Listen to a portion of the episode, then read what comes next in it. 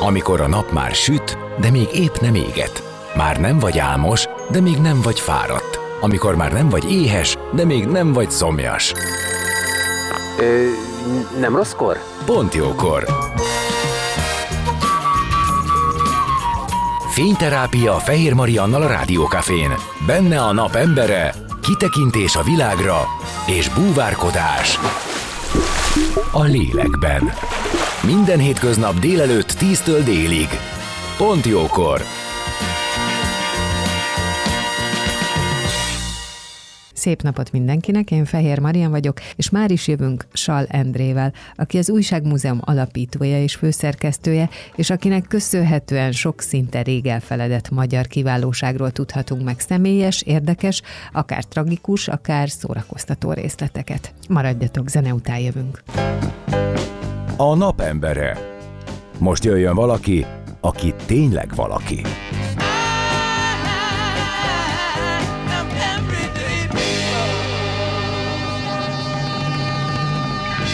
Vendégem Sal Endre, az Újságmúzeum alapítója, főszerkesztője, és itt van velünk. Szia, örülök, hogy eljöttél. Szia, köszönöm szépen a meghívást.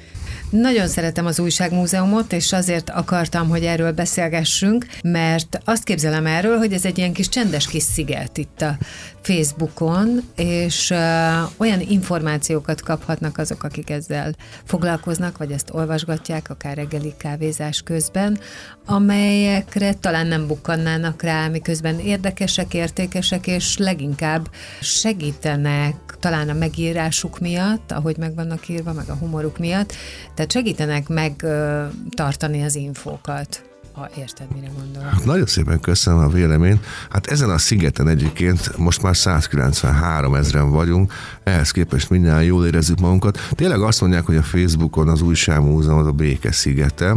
Azt tudik, hogy minden reggel 7 órakor megjelenik egy írás, vagy az én tollamból, vagy Sinkovics Gábor kollégám tollából. Tehát pont ezért, hogy aki kávézik, az tudjon mire. Hát pont ez így, így van kitalálva egyébként, uh-huh. és a visszajelzések is azok, hogy hát egy jó kávé, egy tea, és akkor utána indul az ember munkába, és addig elolvas ezeket a négy 5000 karakteres írásokat minden reggel, amelyek nosztalgikusak, empátiáról tanúskodnak, hát nem titok, hogy színészekről, színésznőkről, történelmi személyiségről, érdekességekről a magyar történelemből, ezekről írunk jobbára, a, még mesékről is, és hát ugye az emberben van egy nagy adag nosztalgia, hogy miért azt majd megfejtjük, de mindenképpen nagyon jó a visszajelzés. Egy hónap után, mikor ez megalakult, több mint 20 ezer olvasója volt, és hát most már ugye majdnem 200 ezer olvasó van. Nagyon örülök neki, mert én a Facebookot megvallom őszintén egy, egy furcsa terepnek tartottam, nem tudtam mit kezdeni vele, most ott szeretnek az emberek olvasni, vagy nem szeretnek, vagy csak képeket nézegetnek, és hát kiderült, hogy szeretnek olvasni, sőt, 5000 karaktert is elolvasnak, hogyha sok információ van benne, sok újdonság van benne, és ugyan megírva, hogy mondhatjuk azt, hogy fogyasztható stílusban. Miért kezdted el ezt annak idején? Tehát mi volt, ami a fő motivációd volt ebben a sztoriban?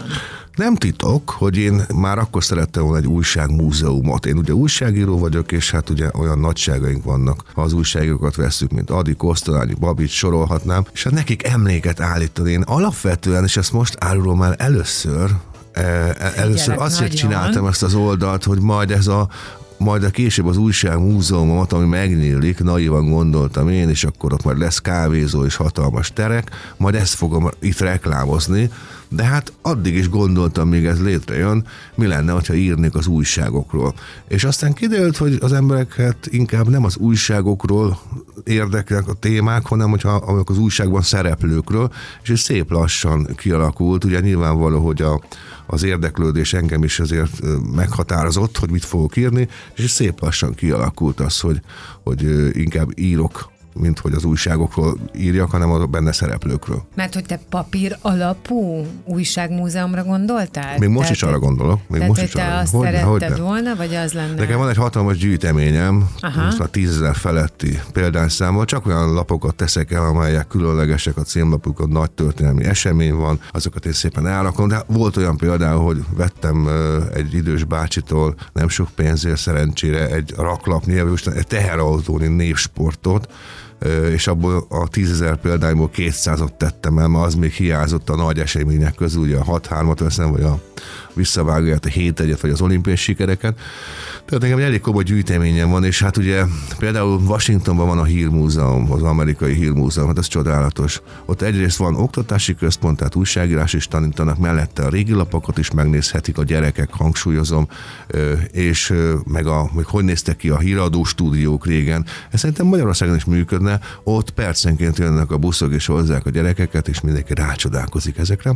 Nekem is van tapasztalatom, én Pécelen élek, és Pécelen volt lehetőségem kiállítás rendezni, és nagyon jó érzés volt, hogy a helyi általános iskolások, gimnazisták jöttek és nézték azokat a lapokat, mondjuk, hogy Kossuth Lajos halálhíre, és csak így rácsodálkoztak, hiszen ők csak történelem könyvben találkoztak ezzel a névvel kivonatosan, és láttak, láttak egy olyan újságot, ami, ami akkor, akkor jelent meg a halála után, sőt kézbe is vehették, én azt szeretem, a gyerekeimmel is úgy vagyok, hogy fogják meg, tapintsák meg, nézzék meg, hogy milyen az újság illata, hiszen manapság tudjuk, hogy 30 év alatt már nem nagyon találkoznak papírlap újsága. Hol tart a te gyűjteményed? Sosem lesz vége de nagyon jól állok. Hát nyilvánvaló, hogy mondjuk ha veszem a, az első magyar újság volt ugye a második Rákóczi Ferenc adta ki a szabadságharc alatt 1705-ben a Mercurius Hungaricus, ez 5 év alatt 6 darab példány jelent meg, na ebből nekem természetesen nincsen, és 1899-ben jelent meg az utolsó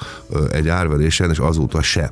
Ebből nekem sosem lesz. De például felvidéken jelent meg a mindenes gyűjtemény 1786-ban, ha jól emlékszem, abból nekem van teljes évfolyamom, ami azért nagy szó, mert ezek 200 példányban megjelent újságok voltak, sőt, ha tovább megyek, a későbbi évek folyamán is, ezek nagyon kis példányszámú lapok voltak. Ha csak veszem a reformkori divatlapokat, nyilvánvalóan egyrészt kevesen tudtak olvasni, kevesen tudtak magyarul olvasni, hiszen a német nyelv volt a hivatalos, és általában ezeket a divatlapokat például nekem is van, azokat egyházi előkelőségek, úrnők, grófnők, hercegnők olvasták, és ezért két-háromszáz példányban rendelték meg őket. Nagyon érdekes, hogy ugye több ilyen reformkori divatlap is volt, a Honderűt említettem, vagy a Pesti divatlapot, amiben Petőfi Sándor is írt. Nagyon kis kellemes újságok voltak, úgy képzeld el, hogy mindegyikhez adtak ajándékba divatképet, ezt külön küldték egy borítékba, és ezek utólag színezettek voltak, tehát egyenként színezte ki valaki őket, ezeket a divatképeket, nagyon ritka. Ebből is van, és rengeteg, mondhatom azt, hogy kultikus újság van a birtogomban, például 1848. március 17-én megjelent Pesti hírlap, a 12 ponttal és a a nemzeti dallal, tehát mondhatom azt, hogy különlegességeim vannak, de hát vannak hiányok nyilvánvalóan, és még lesznek is, de hát ebben ez a szép, teszem hozzá egyre kevesebb újság kerül elő. Na, hát ez egy fontos kérdés, hogyan teszel szert ezekre, hogyan kerül hozzád, milyen munka ezt felkutatni, megszerezni? Sok lépcső van, kezdjük a legalján, ugye ez az ember föl kell hajnalba, és elmegy az ócska piacra, és az ócska piacon korán megy el, mert ugye mindenki azt gondolja, hogy sokan, hogy egy ócska elég kilátogatni majd reggeli után szombaton 8 órakor, hát nem. Az igazi gyűjtők már zseblámpával ott állnak 5 órakor nyitáskor, és zseblámpával fürkészik a kincseket, akkor még lehet találni érdekességeket. Az egy beszerzési forma. Azon kívül hát nyilvánvaló interneten lehet vásárolni vannak internetes aukciók, ahol lehet vásárolni, és vannak nagy aukciók, évente több, ami személyes jelenléttel ott is lehet vásárolni. Az utóbbi már azért az nehezebb, mert ott nagy a konkurencia, és elég borsosak mostanában az árak, de hát ezek a, ezek a megoldások vannak. Nagyon csodálatos lapokhoz tudtam hozzájutni az évek során. Csak egyet mondok, hogy nagyon érdekes, egyszer egy, egy aukciós oldalon vettem egy Kossuth Lajos halálhírével foglalkozó lapszámot, 3000 forintért, boldog voltam, és aki nekem ezt eladta, azt mondta, hogy ha még küldök neki 3000 forintot, tehát összesen hatot, akkor még küldi el újságot nekem. Erre elküldött, nem is értem azóta se, plusz még másfél kiló kosut halálhírével foglalkozó újságot, aminek én nagyon örültem.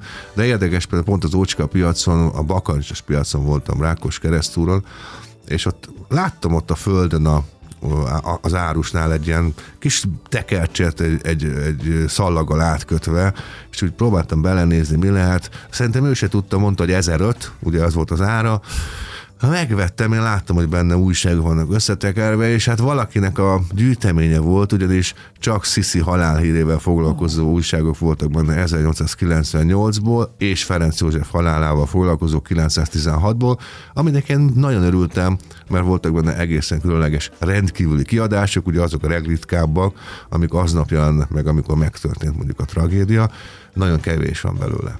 És hogyan kell ezeket tartani, hogy ne amortizálódjon, ne menjen tönkre, ne legyen bármi baja? Hát én vigyázok, a mappákba tartom, de a legjobb lenne, ugye van egy olyan technika, az a japán hártya papír, amivel le lehetne ezeket az újságokat, mond, de nem, nem éri meg, hát 2000 forint per oldal alapon tudná megcsinálni. Hát azért bízunk benne, hogy még ebben az életben valami történik is velük. Hát igen, csak ez nagyon költséges, nekem az nem megy, viszont én nagyon örülnék, hogyha sokadik segélykiáltásomat meghallanak, és valaki segítene abban, hogy ez a múzeum valóban létre is jöjjön, tehát valamifajta támogatás által, mert én, én nagyon hiszek benne, hogy ez, ez fontos lenne. Nem csak azért, mert a magyar újságírás tényleg irodalmi hagyományokkal bír, és csodás elődökkel, hanem, hanem közel lehetne hozni egy kicsit ez a szakmához a fiatalokat is megmutatni. Tehát vannak nagy elődök, vannak izgalmas személyiségek, és hát önmagában azért azt ne felejtsük, ez egy hírmúzeum, mondjuk egy, egy rádiókészítés, vagy egy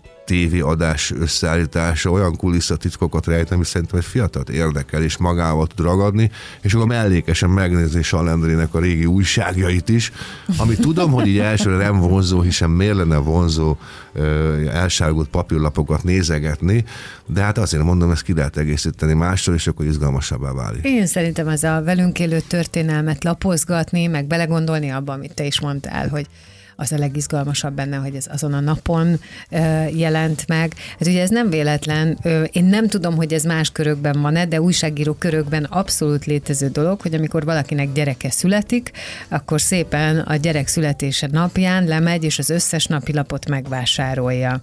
És elrakja, és aztán a 18. születésnapon, vagy bármikor, amikor úgy gondolja, a gyerek megkaphatja, és átolvashatja, hogy az ő születésének napján mik voltak a hírek. És szerintem ez egy nagyon nagyon romantikus, izgalmas és jó pofa dolog. Igen, engem Az is, én baráti körömben ez van igen, létező, engem is szoktak keresni, aki annó feledéken volt, most múltkor is rám írt valaki, hogy, hogy 1982. augusztus 10-i újságon van-e, mert megvásárolná, ugye akkor elfejtette megvenni, és most odaadná születésre, nem volt éppen abból a, a, arról a napról, igen, ez a létező.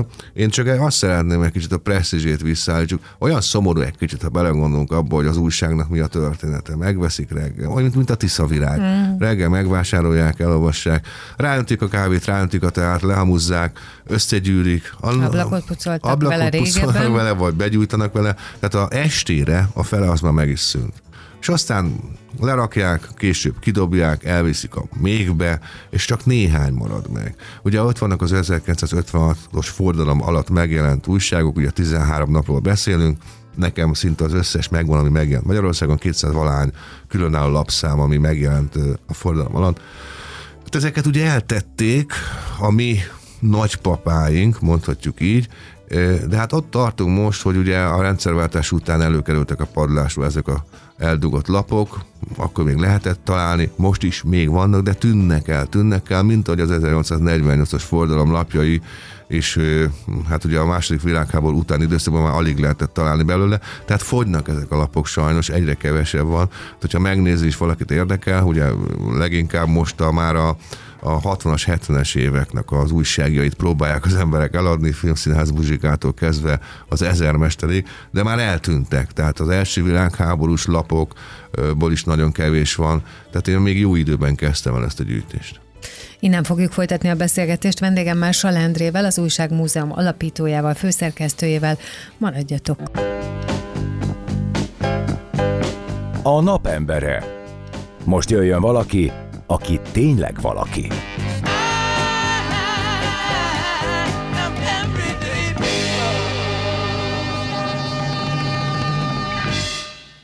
Szép napot mindenkinek, én Fehér Marian vagyok, és itt van velem vendégem, Salendre, az Újságmúzeum alapítója, főszerkesztője, és hát beszélgettünk ugye arról, hogy minden reggel 7 órakor, ez egy fontos információ, minden reggel 7 órakor az Újságmúzeum Facebook oldalán megjelenik egy cikk, amit nagyon szeretnek a fogyasztók a kávéval, reggeli kávé, tea mellé elolvasni, és ebben többnyire olyan történetek vannak, amik valamelyest a múltat idézik. Tehát valakinek az életével kapcsolatban a múltat idézik, és mondtad, hogy ez többnyire lehet színész, ismert híres ember, zenész, de nekem például az a tapasztalatom, és amit én szeretek benne, az leginkább az, hogy olyan emberek, akikről valaha valahogy hallottam, de nem feltétlenül tudom, hogy ki ő, és akkor ugye itt hát nyilván mélyebb betekintést. Nyerek. Egy ilyen csendes kis sziget a Facebookon, így neveztük el, noha 200 ezeren szeretik már, és látogatják,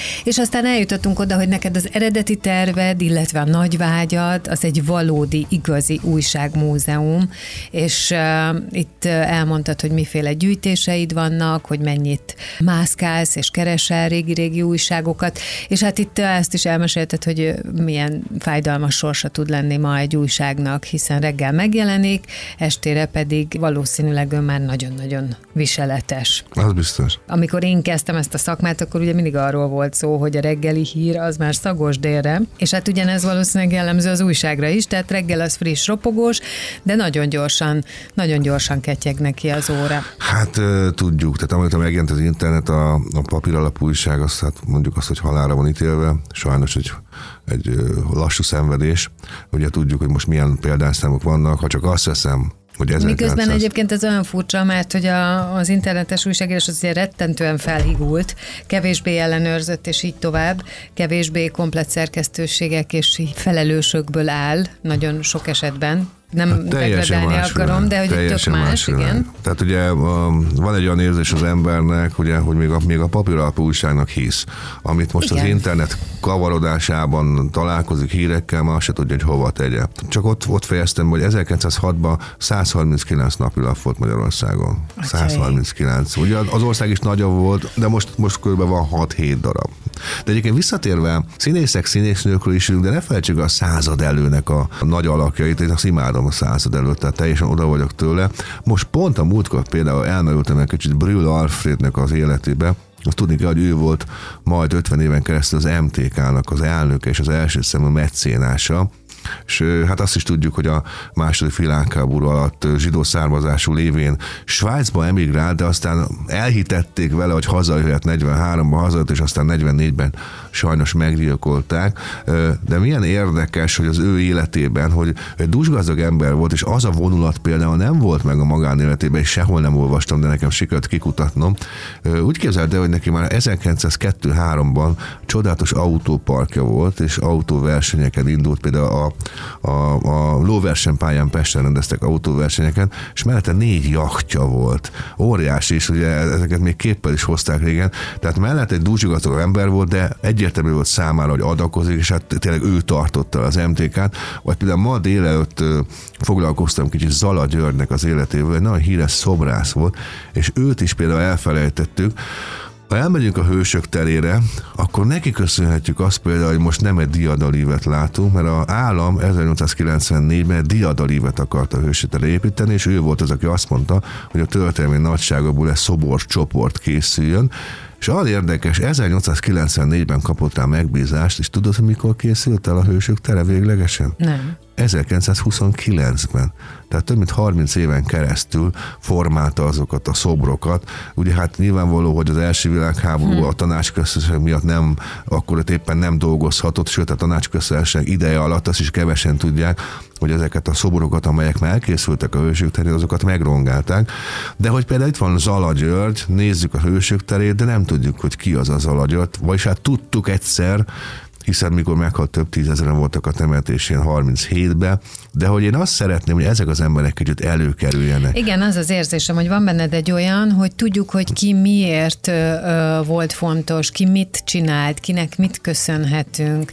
Igen, ezzel egyébként abszolút tudok azonosulni, meg egyetérteni. Hát ugye nekem 19-ben, most 2019-ben megjelent az első könyvem hasonló tematikába, akkor olyanokról írtam, akik elmentek egész kiskorukba, vitték őket külföldre, főleg tényleg Amerikába felrakták őket egy gőzhajóra, és nyelvtudás nélkül kirakták őket Yorkba egy kikötőbe, hogy akkor kezd magaddal valamit, és nagyszerű példákat találtam, művészeket, írókat, színészeket, akiket még ma se ismerünk, pedig csillaguk van Hollywoodba, és én szeretném, hogy ezeket megismertessem, és olyan jó volt a fogadtatás a könyvnek, nem titok, hogy abban az évben a második legtöbb fogyott Magyarországon abból a Mi Magyarok című könyvemből, és sokáig gondolkoztam, mi volt a titok, és hát rájöttem később, és embereket szondáztattam, hogy, hogy szeretnénk büszkék lenni magunkra, a magyarságunkra és a nagy elődökre, annyira jó érzés volt, volt, aki küldött fotókat, hogy karácsonykor a Mi Magyarok című könyvem egy családon belül négy könyv cserélt gazdát, tehát mindenki, aki vette a másiknak, az kapott is egyet. Tehát ez egy jó érzés volt, és hát ennek a, ez bátorított fel arra, hogy kedvenc korszakomról a század előről írja később, ugye a Mi Magyarok a század elő, és most már a negyedik könyvem jelent meg tavaly karácsonykor ebbe a sorozatba, ott pedig a Hősök és Kalandorok címmel a Fiumeúti sírkert példaértékű, de nem ismert ne. lakóíró idézőjelben írta. Mesél a Fiumei úti sírkert. Igen. Ez volt a címe, egyébként nálunk is karácsonyfa alá került, mert az én édesanyámnak a Jaj, de jó. nagyon szereti a Fiumei úti sírkertet, és ilyen történelmi sétákra is el szokott menni, és ezért gondoltam, hogy hogy ő ennek örülne. Úgyhogy, és ez így is volt, és uh, én megkérdeztem tőle, hogy na, és akkor ezt hogy olvasod? És ugye feléd is ez lenne a kérdés, hogy szerinted milyen hatást vált ki, hogyan ad ez olvasmányélményt, és ő nekem azt mondta, hogy ő ebből így választ. Időnként. Nagyon jól tette, nagyon jól tette. Az a baj, hogy ezek különálló történetek 6-7 ezer karakterben, életrajzom. Az a baj, hogy sokan azt csinálják, ha nem baj, csak nem a legjobb megoldás, hogy leülnek és, és elolvassák. Hát nem, nem, nem marad meg. Nem, nem marad meg. Ki kell választani egy-egy történetet, ugye, és én arra törekszem, hogy minden történetnek legyen mondani valója, és ez nagyon fontos, hogy ezeknek az embereknek az élete, a csúcsok és magasságok, mélységek, amiket ők átéltek, tragédiák, amikből fölálltak, azok mind-mind útravalót hordoznak számunkra, és a mai kor emberének is. De el lehet gondolkozni rajta, a saját élethelyzetünkre ki tudjuk vetíteni. Sokszor azt gondoljuk, hogy mekkora bajba vagyunk, vagy mekkora, milyen rossz nekünk,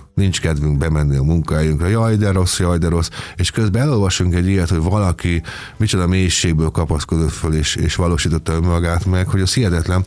Pont a, egyik kedvenc történetem a Hősök és Kalandorokból, Erkel Lajosnak a története. Ugye Erkel Ferencnek volt a sokadik gyermeke, mindegyik gyermeke zenei hallást örökölt, később operázigazgatói lettek, stb. stb. Erkel Lajos viszont Hát nem volt botfülű, de nem volt, nem volt olyan talentum, és akkor itt az a pont, amikor valaki belátja azt, hogy ez a zene nem az én utam lesz, és beállt titkárnak Elkel Ferenc mellé 15 éven keresztül, és amikor Elkel Ferenc beteg lett, akkor meg ápolta éveken keresztül. Magyarán belátta azt, hogy mik a korlátai. Nagyon sokszor van az szerintem ma is, hogy olyan munkát végzünk, vagy olyan kapcsolatban élünk, ami lehet, hogy nem nekünk való, de nem akarunk szembenézni vele, és el kell oda jutni, hogy azt mondjuk, hogy nem. És hát eljutott. meg ebben benne van az, hogy ö, nem csak az, hogy belátja, hogy ez nem, hanem meglátja, hogy mi az, ami igen. Igen. És a, ami igen, amire igent tud ő is mondani, és tudja csinálni, hogy ez egy sokkal jobb minőségű és tartalmasabb élet, és elégedettebb élet. Ez a hangsúly, és az elégedettebb élet. Igen. Tehát nincs, nincs az örök kétel, hogy mi lett volna, ha. Például csak úgy eszembe jut a mélység és magasságról. Írok a könyvben Jókai Rózáról is, ugye Jókai Mor, a híres írónak a nevelt lányáról beszélünk, akit befogadtak a családhoz, és Jókai Mor a csodálatos kapcsolata volt. Jókai festményt készített a, a Rózáról és a Balaton Füredi villájának a dolgozószobáján a falán volt fönn. Egy csodálatos, meghitt kapcsolat volt az övék mindaddig, míg Jókai Mor, hát idős korára egy kicsit idézőjelbe megbolondult, mondhatjuk így, hiszen ugye beleszeretett egy 18 éves hölgybe, akit el is vett feleségül, ugye azt is tudjuk már, hogy a a hölgy az elég célzatosan választotta ki Jókai Mód, becsöngetett a villa ajtaján, és hát így közel került hozzá, de innentől kezdve Jókai Rózának megromlott a kapcsolat a Jókai Mórral, és mégis volt tartása. Ugye, mint a Jókai Mór meghalt, akkor őt kizárták az örökségből, teljes mértékben, pedig a megjelent könyvek után 10%-ot kellett volna kapnia, vagy 15-öt, de ezt is méltósággal viselte, és azt is méltósággal viselte, hogy neki a férje Feszti Árpád volt, ugye a Feszti körkép. Igen. Azt gondolnánk, hogy az ünnepelt festő mellett egy csodálatos élete volt, hát nem, lehet, hogy ünnepelt festő volt, de szinte éjjel haltak, gondoljuk el, szinte éjjel haltak, és Jókai Róza a kislányával maradt magára, de még akkor is Jókai Mór emlékét ápolta, és minden fórumon dicsérte, miközben ki lett tagadva az örökségből teljes mértékben, és szegény emberként is megvolt az a tartása, hogy, hogy bár kitagadták, nem ment szembe Jókai Móra, és ez is egy útra való, hogy bármilyen problémád lehet családon belül, vagy a munkahelyeden, hogy, hogy van egy olyan fajta tartás, hogy, hogy nem mész egy olyan szintre, ami már méltatlan hozzá. Innen folytatjuk, jövünk vissza még egy blokkra, és beszélgetünk Salendrével, az Újságmúzeum főszerkesztőjével, alapítójával. Maradjatok ti is. A napembere. Most jöjjön valaki, aki tényleg valaki.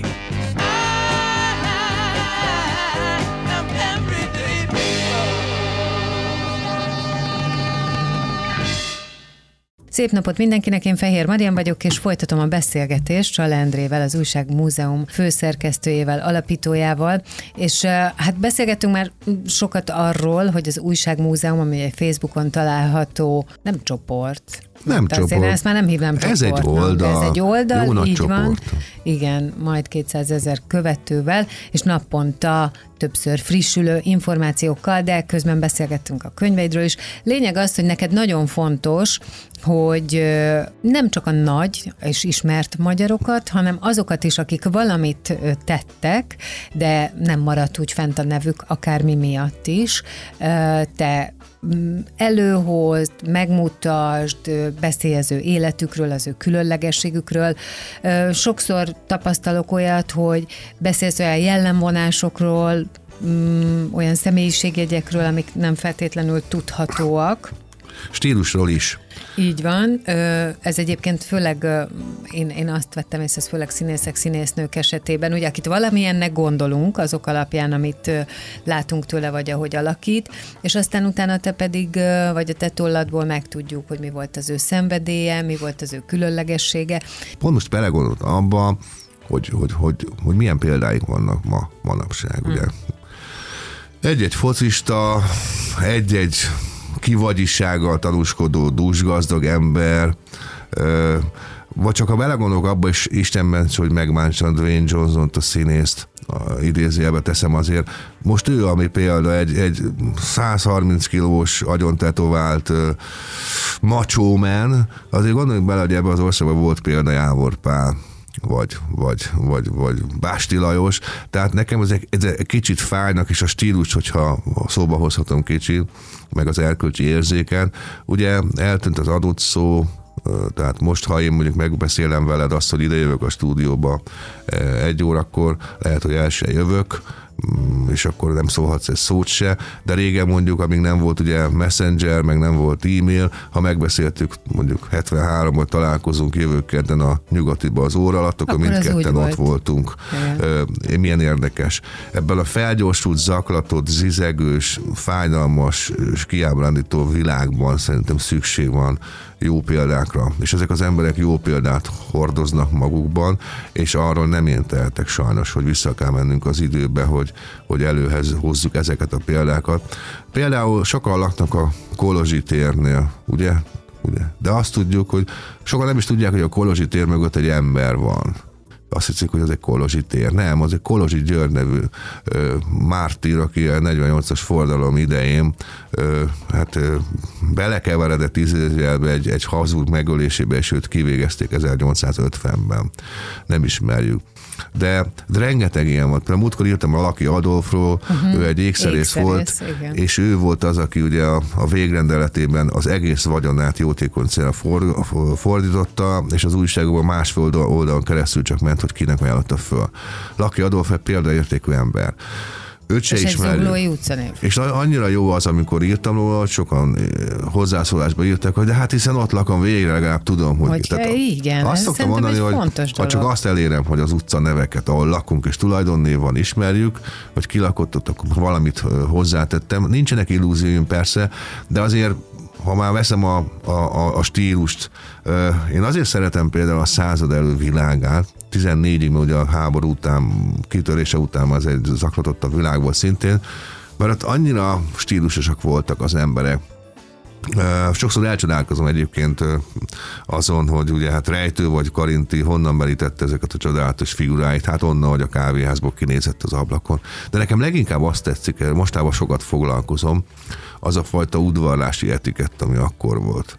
Tehát akkor nem az volt, hogy, hogy nekem egy hölgy megtetszett mondjuk a hősök terénél, hogy akkor én megszólítottam és megbeszéltem a rendezvút, hanem valami módon megpróbáltam fölhívni magamra a figyelmet, de az nem úgy ment. És akkor itt jön a érdekesség, ezt mindig elmondom, az S bulvárlap, amelyik kitalálta azt, hogy lehetőséget ad az ismerkedések még hozzá úgy, hogy az úriember odalép a hölgyhöz, és azt mondja neki, pontosabban figyelmezteti az estre, ugyanis az est kitalálta azt, hogy akkor az urak adjanak föl kis levelezést apró hirdetésben jeligével, hogy a, a, a nagy kalapos hölgyet szívesen megismerné Huszár rajongója, hogyha ön is szeretné, akkor, akkor válaszoljon a levélkére az újságban. És így, így, így, így ismerkedtek meg. Ha belegondolok abba, aztán lehet, hogy száfolják a mai hölgyek, de szerintem nekik nagyon hiányzik az udvarlás, nem? Meg a, a szép szavak, meg az a sok finomság. Hát a század elől olvasgatom ezeket a régi levelezéseket, ilyen kis jeligés üzen, üzenetek, mindenki Adi Endre volt. Olyan szépen választékosan, csodás képekkel üzent a kiválasztott földnek, hogy valami csodálatos.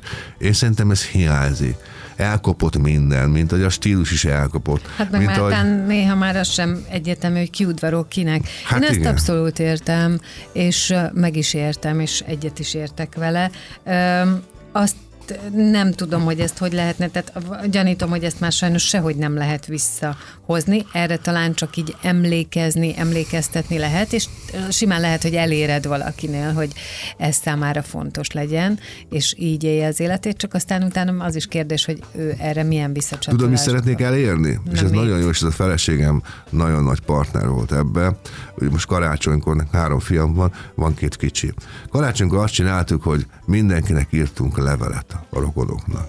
Karácsonyi üdvözlő levelet írtunk. De képes lapot? Ö, nem, rendes levelet adtunk föl. Levelet. És vártuk a választ, és jött is válasz. Tényleg? Tehát, hogy tanuljunk meg újra kézzel írni, mert már nem tudunk kézzel írni, csacskán írunk. Pont valakivel beszélgettem a múltkor, és azt mondja, hogy karácsonykor kapott egy levelezőlapot, és annyira örült neki, annak örült a legjobban. Valakinek eszébe jutott, és feladott egy szép lapot. Milyen jó érzés? A várakozás érzése, hogy fogok kapni. Régen, ha elmentünk Siófokra nyaralni, már adtuk is föl. Ott abban csak információcsere volt, megérkeztünk, jól vagyunk, köszönjük szépen, vigyázzatok magatokra. A víz De volt meleg, egy, a kaja jó, az idő rossz. De volt egy gesztus. Így és ezek a gesztusok, ezek a finomságok szerintem hiányoznak, és ezt ne fogjuk arra, hogy nincs időnk. Föladni egy képeslapot nem idő. Most már megszűnt a távirat, de a távirat de, ugye ez Egyébként igaz. szerintem de, és az a rossz benne, hogy mivel ugye van, ami már ezt kivált gyorsítja és gyorsítja. Ja, most a, a személytelen dolgokról beszélünk, mint Igen, messenger, ezért, mint ezért, e-mail. ezért aztán ez csak ilyen, ilyen értelembe mehet említés számba, hogy mint ahogy most mondod, hogy na karácsonyra mi most erre időt és energiát fektettünk. A továbbiakban ugyanazokkal az emberekkel nem levélbe fogsz feltétlenül kommunikálni. Sajnos azért, mert az év további részében nyilván egyszerű felhívnod, beszélgetni, bármi. De én értem, amit mondasz, nálunk is például az adventi időszakban a keresztfiaimnak az egy feladat volt, amíg éltek a nagyszüleik, hogy küldjenek képeslapot. Most másoknak küldünk képeslapot. Tehát, hogy ez van, de ezt már csak itt dédelgetni lehet. De mindenre az a baj, hogy mindenre azt mondjuk, hogy nincs idő. Minden azt mondjuk. Én nem azt mondom, hogy nincs idő, hanem azt, hogy kiváltotta más. Hát persze kiváltotta. És, és hát... ezért, ezért ezeket már csak dédelgetni lehet, de én teljesen értem. Itt van nála, ott a, a mikrofon előtt ez egy fegyver. Ezt használt fel erre, hogy ebbe segítsél nekem, hogy hozzuk vissza a stílust éljünk úgy, próbáljuk meg úgy élni, Egyébként ahogy, ahogy lehetne. azt még attól, hogy digitalizált a világ, stílus lehetne? Tehát azért ja, egy, egy e-mailt is meg lehet írni olyan stílusban, ja. hogy mondjuk köszönsz, elmondod, hogy mit szeretnél, felteszel néhány kérdést a másik hogy létével kapcsolatban, és aztán elköszönsz. Ezt is lehet. Igen, ebből a szempontból egyébként a Facebookon azért kicsit látjuk azt, hogy milyen a stílus, hogy emberek hogyan beszélgetnek egymással, hogyan sértik egymást, védik. Elképesztő, hogy mindenki bánt mindenkit. Én nem értem ezt meg. Én azért örülök, hogy az újságmúzeumnál nagyon ritkán téved be betéve egy-egy ilyen dúvat, sajnos betéve csak azért, hogy bántson, csak azért, hogy gonoszkodjon. Hát sajnos ezeket kezelem és elköszönünk tőlük, tőlük ki lesznek tiltva. De hát Tehát- az de- az de- oldal az arra van, hogy ott mindenki töltődjön, és nem azért, hogy véleményt nyilvánítson, és nem azért, Igen, olyan hogy... fájdalmas ez, hogy, hogy, hogy egy Aha. ilyen oldalba is bele tud néha rondítani valaki, amikor annyira látszik, hogy itt, itt, itt tényleg mindenki az ilyen, hogy vagy mondtad, hogy töltődjön. De nagyon szeretem például, hogy a újságmúzeum Facebook oldalán az, hogy az emberek hozzászólnak, személyes emlékeket idéznek, Ö, rengetegszer. Van például egy kedvenc kommentelő, mindig elmondom, Sipó Zsuzsa, egy aranyember. Minden nap, minden cikkhez valós tapasztalatból és tudásból olyan, olyan finom kiegészítéseket tesz, hogy most ott tartunk, hogy a legtöbben megköszönik a Zsuzsának és a hozzászólását. Társszerkesztő. Szinte társszerkesztő, és nagyon fontos az, hogy én nagyon szeretem azt, amikor mondjuk valamikor írtam Zente Ferenc életéről, és akkor valaki beírta, hogy a hozzánk járt fodrászhoz. Többször láttam, vagy, lá, vagy másik színen láttam a buszon, ezek a kis apró kis, például nekem megragadt, és ez is olyan kis kis semmit mondó történet, de amikor én hat éves voltam, akkor Gyulán, a nagyszüleimnél sétáltunk a belvárosba, megállt egy autó, nem tudtam ki az, de kiszólt az autóba egy ilyen mélyebb hangú hölgy, hogy merre van a művelési ház, azt kereste, és akkor mondta nekem nagymamám, hogy tudod ki volt ez? Mondom, nem tudom, hát hat éves vagyok.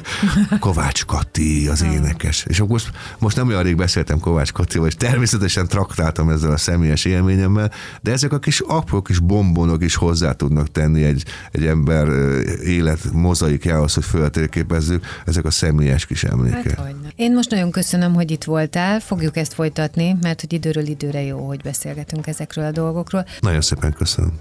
Salendre, az Újságmúzeum alapítója, főszerkesztője volt a vendégem.